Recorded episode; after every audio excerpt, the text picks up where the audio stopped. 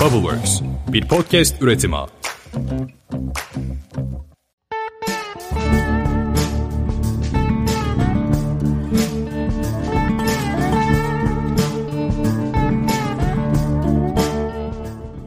Bir Çift Üzüm'ün 6. bölümüyle sizlerleyiz. Ben Emre. Merhabalar ben de Gözde. Bugün sizlere şarapta baş ağrısından ve şarabı havalandırmadan bahsedeceğiz. Bugünkü konuğumuz ise Merlot. Evet, Merlot'un okunuşuyla ilgili küçük bir ipucu da vermiş olduk aslında. Değil mi? evet çünkü Merlot deniyor bazen. Onun dışında da ne dendiğini hiç duymadım. Biz genellikle Merlot diyoruz. Evet çok garip şeyler deniyor. Merle deniyor, Merlot deniyor, Merlot deniyor.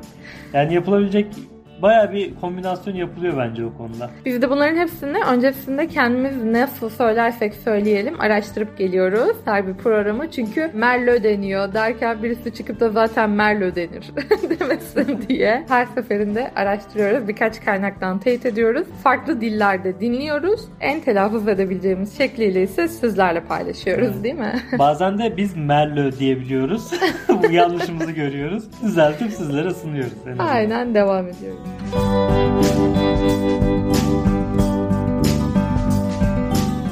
Peki bugünkü konumuz şarapta baş ağrısı. Aslında fazlasıyla sorulan şeylerden bir tanesi yine değil mi? Hı-hı. Bir şişe şarap içtim. Bir şişe Hı-hı. çok da. Bir şişe şarabı paylaştım.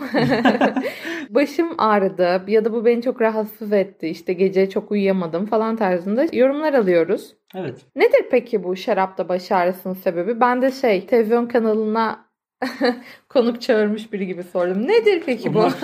Umarım, konuk ben değilimdir de hani gelecek haftalarda da yanında yer alabilirim. Bakalım. Akıllı bir çocuk olursan. Çalışırım. Şimdi bu bara e, konuşarak tehdit hissettim çünkü. Gelecek haftayı düşündüm. Merlo evet devam edelim. Şimdi bu baş ağrısının aslında birçok sebebi var. Biraz onlardan bahsedeyim ama onlardan bahsetmeden önce neyin baş ağrısı yapmadığından bahsedeceğim. Çok ilginç bir giriş. İddialı bir giriş. evet. Şimdi biz şaraplarda her zaman kükürt dioksit kullanıyoruz. Potasyum metobüsülfit veya sodyum metobüsülfit. Potasyum metobüsülfit daha çok kullanılıyor. Bunun da sebebi şarabı şarapta koruyucu bir ortam oluşturmak. Şarabı işte oksitlenmesini önlemek. Üretim kısmında şarabımızı korumak. Bu anlamda kükürtleme yapıyoruz. SO2 içinde yer alıyor. Bu potasyum metobüsülfitin ya da metobüsülfitin işte baş ağrısına yol açtığına dair bir söylenti var. Ama bunların hiçbirisi gerçeği yansıtmıyor. Bunlar son yapılan çalışmalarda da yine aksi kanıtlanmış şeyler. Yani içindeki kükürt dioksit hiçbir şekilde insanlarda baş ağrısı yaratmıyor. Çünkü o kadar az miktarda ki aslında şarabın içindeki kükürt dioksit. Yani mesela mangoda bile belki şarabın 5-7 kat arası daha fazla kükürt dioksit var mangonun içinde. O yüzden e, kükürt dioksit baş ağrıtmıyor. Şöyle diyebilir miyiz? Yanınızda olan kişi başınızı ağrıtıyor olabilir mi? Şarap içerken. Farklı bir yer. Evet. hani klasik esprilerden adabı vardır. Şarap içmenin kiminle içtiğine bakacaksın. başın ağrıyorsa falan. Kimle başın ağrıyorsa onunla içmemelisin. Kesinlikle. Şimdi başı neden arttığına geçelim madem öyle. Şimdi öncelikle beyaz şarap mı kırmızı şarap mı hangisi başı ağrıtır? Genellikle kırmızı şaraplar daha çok başı ağrıtır. Bunun da en temel sebebi kırmızı şarabın içindeki tanenler. Yine geldik tanenlere. Evet, bu kısmı sen anlatmak ister misin? Şöyle ki beyaz şarabın içerisinde çok daha az tanen bulunuyor. Bu yüzden içtiğinizde herhangi bir baş ağrısı şikayeti yaşamıyorsunuz ama kırmızı şarabın içerisinde fazla miktarda tanen bulunduğu için hatta geçen bölümümüzde de böyle taneninin yapısını belki anlatabilir demiştik. Net değil ama bu şarabın gözyaşı değil mi? Ufaktan. Fazla miktarda bulunan tanenlerde başımızda fazlasıyla bir ağrıya sebep oluyor aslında. Ne kadar çok su içerseniz şarap tüketirken o kadar az baş ağrısı çekersiniz. Doğru Hı. mudur? Gayet iyi. Senin eklemek istediğin neler var? Ben çok fazla şey eklemişim gibi şimdi sana soruyorum. Senin eklemek istediğin ben de neler var? baştan bir daha anlatayım. Şimdi Peki. çok doğru. Aslında tanenlerin başımızın artmasının sebebi aslında vücudumuzu dehidroze etmesi. Tanenler vücuda girdikleri zaman suyu tutuyorlar. Bu da vücudun su kaybetmesine neden oluyor. O yüzden de vücut dehidroze olduğu zaman da başımız ağrıyor. Biz bunu neyde görüyoruz bir de? Çay içtiğimizde, çok demli bir çay içtiğimizde de başımızın ağrını hissedebiliyoruz. Kahvede Yine, de olur mu? Kahvede de olur. Evet. Tamamdır. Daha soracaksın sandım. Yok çünkü şöyle bir yorum okumuştum da bir kahve içtiğiniz bir kahve içtiğinizde değil. Bir bardak kahve içtiğinizde yanında mutlaka bir bardak da su tüketin. O zaman aslında o zamanı yok. Sadece bu kadar. bir bardak kahve içtiğinizde bir bardak da su tüketin. Ben de acaba bunun da bununla alakası olabilir mi diye düşündüm. Evet yani az suyla hazırlayıp da yani nasıl bir kahve yaptığına da bağlı aslında. Ben Biraz kahveyi da. pek sevmem. Sadece senin yaptığın mokayı beğeniyorum. Onun dışında çok da yapmıyorum da. Peki evet kahvede bir miktar su kaybına yol açar. Ama orada kafein de giriyor işin içine. Kafein de baş ağrısı yapıyor olabilir. Olabilir. Mantıklı. Evet. Peki devam edelim. Şimdi kırmızı şaraptaki bu tanenler vücuttaki suyu tutuyor. Su kaybı olduğu için vücutta da başımız ağrıyor. Peki başka neden olabilir? Neden olabilir? Aynı zamanda şarabın içinde histamin adını verdiğimiz organik bileşenler var. Bunlar da alerjik reaksiyonlara da sebep olabiliyor. Bu da bizde baş ağrısı yapabiliyor. Ya bu aslında histamin alerjisinden de gelen bir baş ağrısı olabilir. Ama genel olarak kabul ettiğimiz şey tanenlerden gelen baş ağrısı değil mi? Hı hı. Kesinlikle. Bir de eğer şarabın yanında şekerli bir şeyler de yiyorsak bu da metabolizmayı hızlandıracak. Alkol reaksiyonlarını hızlandıracağı için o da tabii ki baş ağrısına sebep olabiliyor zaman zaman. Onun için siz de benim en sevdiğim şarap çeşidi olan beyaz şarap gibi beyaz şarabı tüketirseniz ne başınız ağrır ne dilinizde bir kekremsilik olur hiçbir şey olmaz yani beyaz şarap tüketebilirsiniz doğru mu? Yani ben kırmızı şarapçıyım. O bi- bilemiyorum. Ya kırmızı şarabın o bence süründürme olayı da çok güzel. Kendi tat profilleri işte aldığımız o karakteristik özelliklerini değiştim. Bence daha hoşuma gidiyor yani kırmızı şarap. Kırmızı şarabın seni süründürmesinden son hoşlanıyorsun fakat sonrasında senin beni süründürmenden ben hoşlanıyor muyum acaba? Bir de bunu bana sor. Ya şimdi böyle konuşuyoruz da biz de hiç öyle şişe şişe içmedik aslında. Yani sürünmedik. Değil mi? evet. Gerek de yok bence. Sence var mı? Yok. Yani Güzel bir zaten şarap içeceksin. Sonra şarabı unutacaksın. Çok içip. Hiç gerek yok. Hiç gerek Kesinlikle. Kesinlikle evet. Miktarı önemli tabii. Baş ağrısı bu kadar. Çok fazla bir şeyi yok. Baş ağrısının sebebi yok. Ya tanenler Hı hı. ya da alerjik bir reaksiyon olabilir. Peki. Tabii. Ee, şundan bahsediyordum aslında içtiğimiz yani tükettiğimiz miktarla da alakalı olabilir bence. Bir kadeh şarapta tabii ne kadar doldurulduğuyla da alakalı. Bu kocaman kadehlerin hepsini doldurursanız şişenin yaklaşık yarısını tüketmiş olursunuz. Daha az içtiğimizde o zaman daha az bir baş ağrısına sebep olabilir ya da belki de olmaz gibi düşünüyorum. Sence? Evet su kaybını da engellemiş olur. Bu arada hani su içmeyi önerdin ya bu baş ağrısını engeller aslında. Çünkü o su kaybını yerine bir su eklemiş oluyoruz. O da baş ağrısını engelliyor. Evet bir yerde okumuştum zaten. Hangi alkol tüketirseniz tüketin. Yatmadan önce bir bardak ılık su içtiğinizde büyük ölçüde baş ağrısını engelliyor diye. Bir tek şarap için değil diğerlerinde de deneyebilirsiniz. Fakat bilginin doğruluğundan ben de emin değilim. O yüzden denedikten sonra bir şey kaybetmezsiniz. Diğer bir konumuz ise havalandırma. Benim aslında en sevdiğim şeylerden bir tanesi. Çünkü şarabın tadını gerçekten böyle bir değiştiriyor, yumuşatıyor, tam böyle yerine oturtuyor ya. Hı hı. Bayılıyorum havalandırdıktan sonra içmeye. Kırmızı şarapları özellikle. Hı hı. Beyaz ve blush'ta birazcık şey oluyor böyle. Tadı kaçıyor gibi oluyor. Sanki serinken daha iyi. Çok da havalandırılmadan ama kırmızıda gerçekten tadı tam yerine oturuyor. Çok keyifli bir içim oluyor. Evet, şimdi bunun nedeninden bahsedeceğiz. İlk önce şeyden bahsedeyim. Aslında güzel bir giriş yaptım. Beyaz ve bulaşı biz çok fazla havalandırmayız. Yani 15 dakika civarında bir havalandırma yeterli oluyor beyaz ve bulaşta. Ama kırmızı şarapta biz yarım saat belki daha fazla havalandırma sürelerini görmemiz gerekiyor ki o içindeki karakteristik özelliği tam olarak anlayabilelim. Tabii kim yarım saat 45 dakika bekliyor bilmiyorum. Hani biz biz beklemeye çalışıyoruz. Ama yani Olmuyor. olmuyor yani şey oluyor. Hani önden birer kadeh alıyoruz. Gerisini bekletiyoruz. En azından hani bizi oyalıyor. Belki öyle olabiliyor. Ama beklememiz lazım. Hatta beklediğimiz zaman ne kadar güzel olduğunu da biliyoruz şarabın. Yani tamamen o anın heyecanıyla herhalde. Sabırsızlanmayla alakalı biraz da. Yani çok sevdiğimiz için böyle düşünsene sevmediğim bir şarap olsa orada dursun. İsterse 10 gün havalansın. Böyle bir yudum almak istemezsin ama şarap güzel 10 gün olunca havalansa bir yudum almak istemem. Doğru söylüyorsun. iyi yakaladın. Şarap çok güzel olunca içmek için sabırsızlanıyoruz. Bir de özellikle yanına böyle keyifli bir şeyler hazırladıysak, müzik dinleyelim işte ya da bir şeyler izleyelim dediysek çok daha keyifli oluyor bizim için değil mi? Böyle bayağı sabırsızlanıyoruz. Kesinlikle. Ya tadımlarda belki güzel olabiliyor. Çünkü tadımlarda tadımın başlangıcını beyaz ve roze ile yapıyoruz. O sırada açıyoruz kırmızılarımızı. Hemen havalanıyor yarım saat 45 dakika. Tadımda da güzel bir şekilde tadıyoruz. Aslında şöyle bir şey deneyebiliriz. Ya da deneyebilirsin daha doğrusu Ben- sen. Mesela hoş romantik bir yemek hazırladığında bir şarabı açıp havalandırıp Hı hı, hani şarap havalanırken yemeği hazırlarsan hı hı, sonrasında da harika şarabımızı da havalandırdım diyebilirsin ama hı hı. imkan vermeli miyim? Çok Ya bunu bilmiyorum. istiyor musun? Anlayamadım. Hani bu kendi kendime mi yapayım istiyorsun? Kendi kendine yapma istersen. Bir öneriydi aslında hani. Tamam. Nasıl anlamak istersen ben ufak bir mesaj verdim Anladım. sana. Emreciğim diyorsun. Emreciğim evet. Tamam. Bu mesaj alındı. Evet yani havalandırmada aslında beklememiz gerekiyor. Bir de şöyle bir deney de yapılabilir ki biz yapmıştık tadımlarda. İşte bir şarabı koyun kadeye. Kadeyi şöyle bir sallamaya başlayın. Salladıkça salladıkça yaklaşık 10 dakika sonra tabii kolunuz biraz yoruluyor ama yavaş yavaş yapın. 10 dakika sonra tadı gerçekten değişiyor. Yani o tat değişimini oradan fark edebilir herkes bence. Evet olabilir. Bu arada benim aklıma bunun dışında bir şey geldi. Burada Hı. araya girmek istiyorum. Çok eğlenceli bir şey olduğunu düşünüyorum. Bizim bu yıl şarap yaptığımız bir ekibimiz var. Ufak bir ekibimiz. Sürekli şöyle şeyler alıyoruz.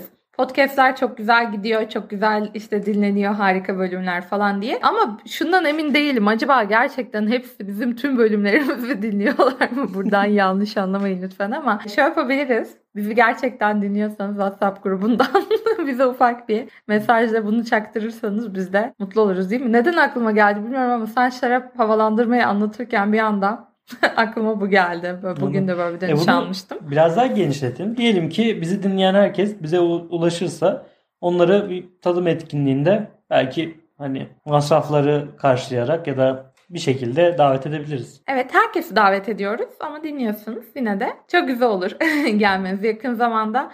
Eğer ki ayarlayabilirsek online bir tadım yapacağız. Ayarlayamazsak da Kendimiz Ee, tadım yapacağız. kendimiz evet bütün şarapları içeceğiz. Daha sonra umarım pandemi bittiğinde yine hep beraber buluşacağız değil mi? Çok heyecanla Hı. bekliyorum tabii bunun da bu pandeminin olması birazcık Şanssızlık. şanssızlık. Evet ama tekrardan böyle cheers diyeceğimiz günler gelecek çok hızlı bir şekilde diye düşünüyorum. Ben de inanıyorum. Şimdi bu kadette sallamayı anlattım ya biraz ondan devam edeyim. Hı hı. Şimdi kadette normalde duran bir şarap hemen koyduysak kapalıdır aslında. Aromaları biraz daha kapalıdır. Bu kapalı ne demek? Şimdi bazı aromalar o kadar konsantrasyonu küçük ki şarabın içinde. Onları hissetmek için biraz buharlaştırmak gerekiyor. Buna şarabı açmak deniyor. O yüzden şöyle bir salladığımız zaman aslında şarabın yüzey alanını arttırmış oluyoruz. Bu da şarabı açmamıza yardımcı oluyor. O yüzden kadette böyle sallayarak havalandırılıyor. Çok mantıklı. Gerçekten. Çorbayı da mesela ya da bir yemeği öyle kendi halinde bırakınca daha geç soğuyor. Ama şöyle kepçeyle şöyle şöyle nasıl nasıl yaptığımı kimse göremiyor şu an ama böyle kepçeyi kaldırıp Aşağı yukarı indirerek elini sallıyor şu anda. çok daha hızlı bir şekilde soğuyor. Benim pudingde çok denediğim bir yöntem. Neden? Çünkü bir an önce soğumasın. Onda da çok sabırsızlanıyorum ama sıcak sıcak yemekten de hiç hoşlanmıyorum. Hızlı hızlı karıştırıyorum bir an önce soğusun diye. Şarapta da aynı şey başıma geliyor böyle. Hızlı hızlı sallıyorum kadehimi. Bir an önce havalansın, bir an önce içeyim diye. Evet. Şimdi hatta küçük bir bilgi de verelim. Kadehler de aslında buna göre yapılır. Beyaz şarap ve bulaş kadehleri biraz daha küçük olur. Kırmızı şarap kadehleri biraz daha tombul olur. O da yüzey alanını arttırmak için aslında. Böyle çok havalı bir şekilde sallayabilmek. Ve senin ismin özel olan kadehleri de düşürüp hangi büyüklükte ve güzellikte olursa olsun bazen kırabilmek için olabilir Evet mi? yani tüm kadehler bu için bunlar için değil mi zaten? Böyle sıyrılabilirim umarım. Peki küçük bir şeyden de bahsedeyim. Bu arada neden sallıyoruz? Hani bu havalandırma ne işe yarıyor? Hem kapalı aromaları açıyor. Hem de şöyle bir araştırma okumuştum ben. Taninlerle oksijen reaksiyona giriyor ve taninlerin açılmasını sağlıyor. Aslında taninleri de çözünüyor belki diyebiliriz bu konuda. O yüzden daha taninli bir şarap havalandıktan sonra daha aromatik bir şarap haline geliyor. O taninler çünkü bu şekilde çevriliyor oksijenle beraber. Anladım. Umarım bu askere falan da oluyordur o şekilde. Ki senin sevdiğin şarapları biraz havalandırarak ben de içebilirim. O halde Evet. içemiyorum çünkü.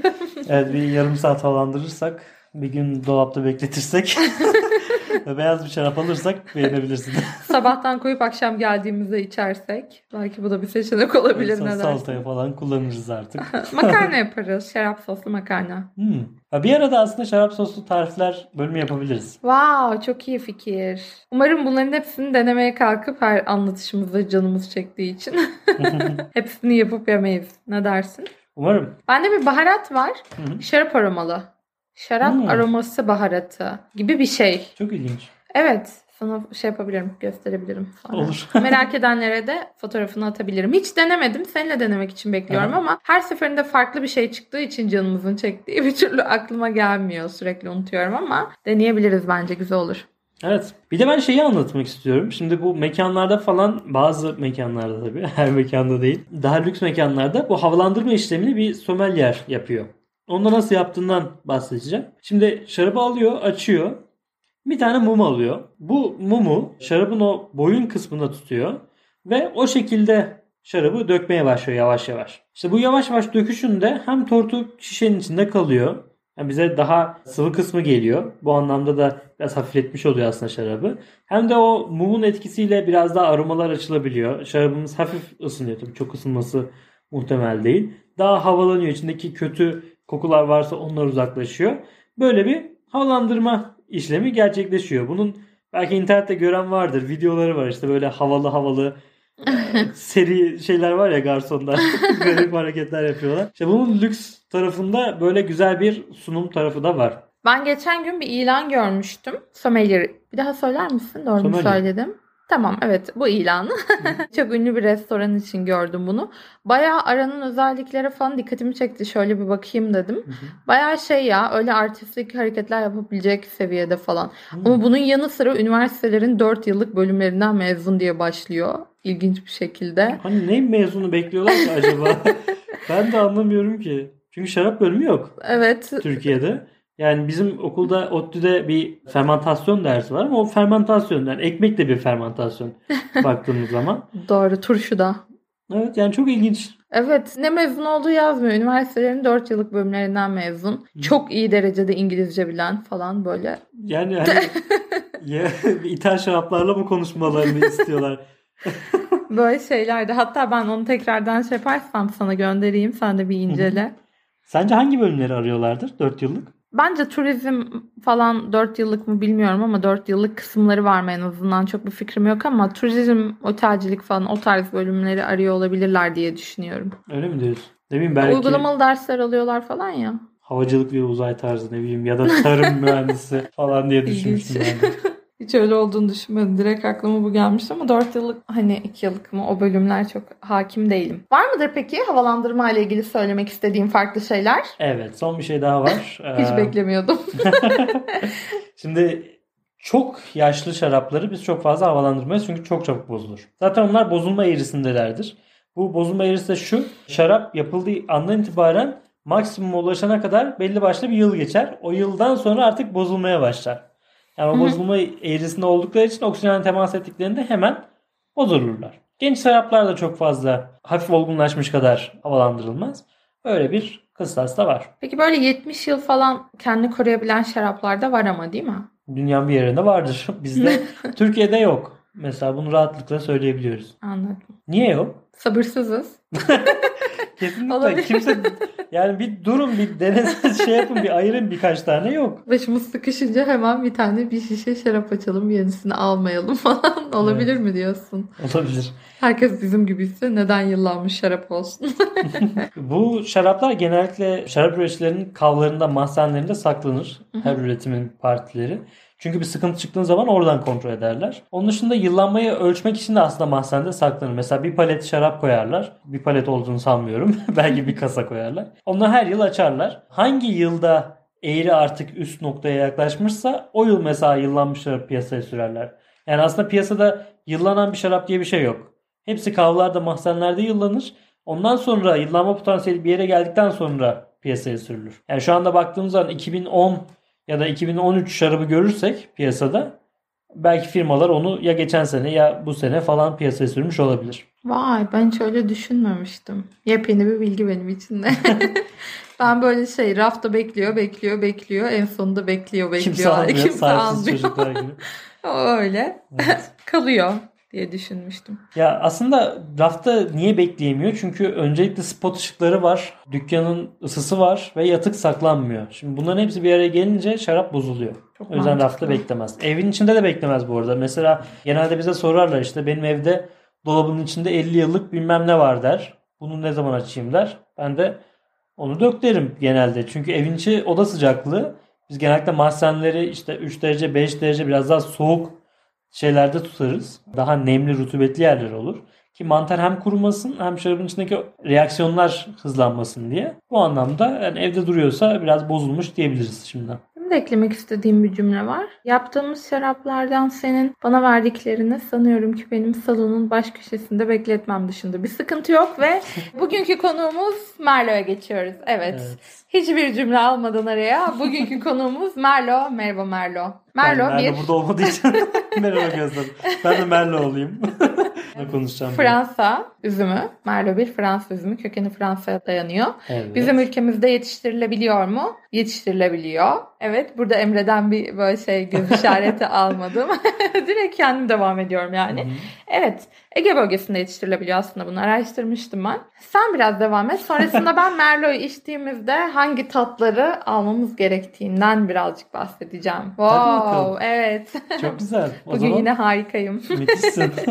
o zaman ben direkt Merlo'nun isminin nereden geldiğinden bahsedeyim öncelikle. Şimdi buna ilgili birkaç tane rivayet var. Ben en işte böyle temelli olduğuna inandığım şeyi söyleyeceğim. Fransa'nın işte bu bir kısmında Bordeaux yakınlarında muhtemelen merli kuşları var.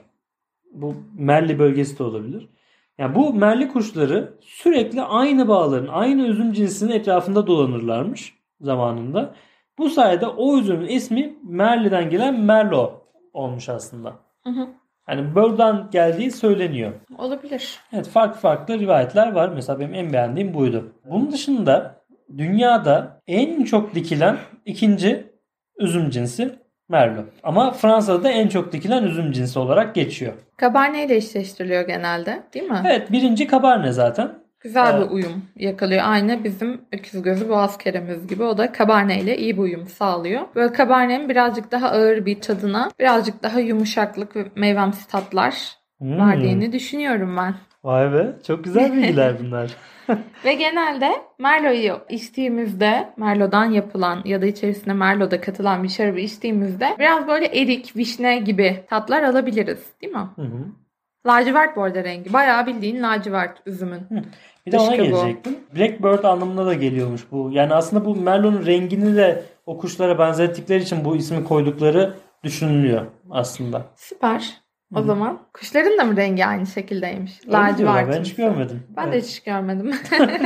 Peki ben ilginç bir bilgi vereyim. Bu Merlot aslında dünyanın en pahalı şaraplarından bazılarını oluşturuyor. Yani 2000 dolarla 5000 dolar arasında bir fiyat skalasında görebiliyoruz Merlot'u. o zaman epey kaliteli. Öyle söylüyorsun. Değil mi? Epey kaliteli değil. Yetiştirildiği yere bağlı. Anladım. Yani Ege bölgesinde yetiştirilenler 5000 liraya çıkmaz. Çıkmaz yani o pazarlıkla falan düşüyor tabii o tarz yerlerde üretilenler. ya bu mesela şey de var. Petrus şarapları vardır. Chateau Petrus'lar mesela. Hı hı. İşte geçen bir baktım 1870 bin dolarla Merlot böyle bir Chateau Petrus alabiliyorsun. Ama bilin bakalım ne eksik. Merlot. Para değil. Evet Merlo eksik. Biz de böyle şeyde mahzende dolar kısmını değil de söyle, Emre'nin söylediği rakamın Türk lirası kısmını falan görünce heyecanlanıyoruz değil mi o şarapları görünce?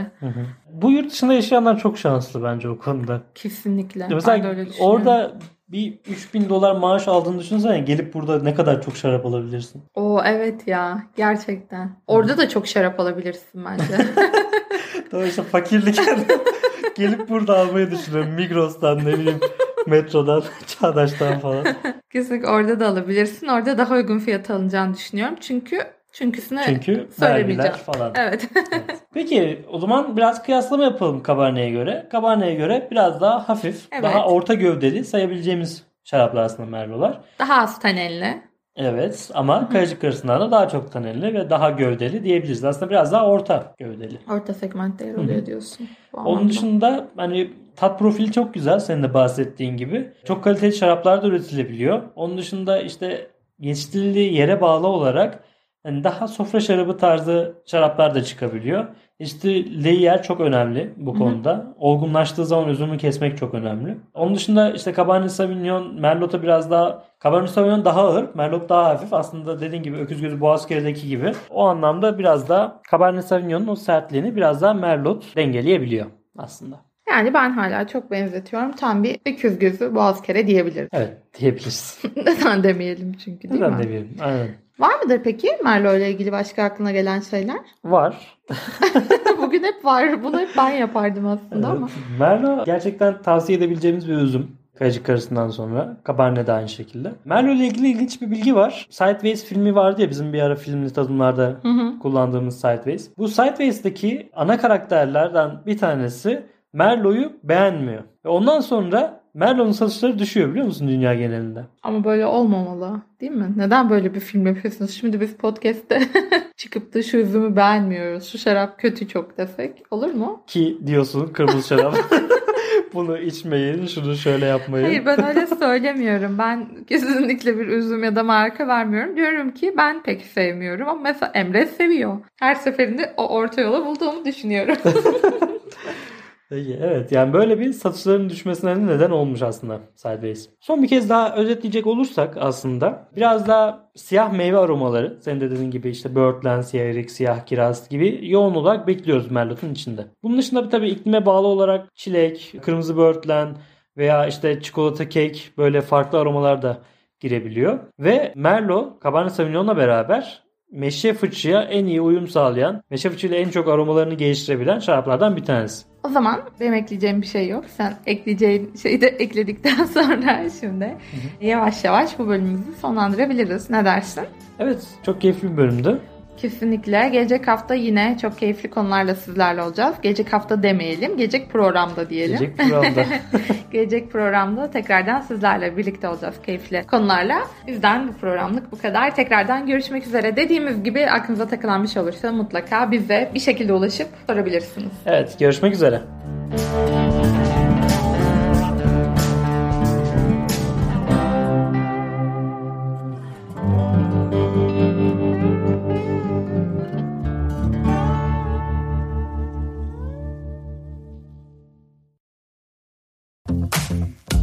Bubbleworks bir podcast üretimi.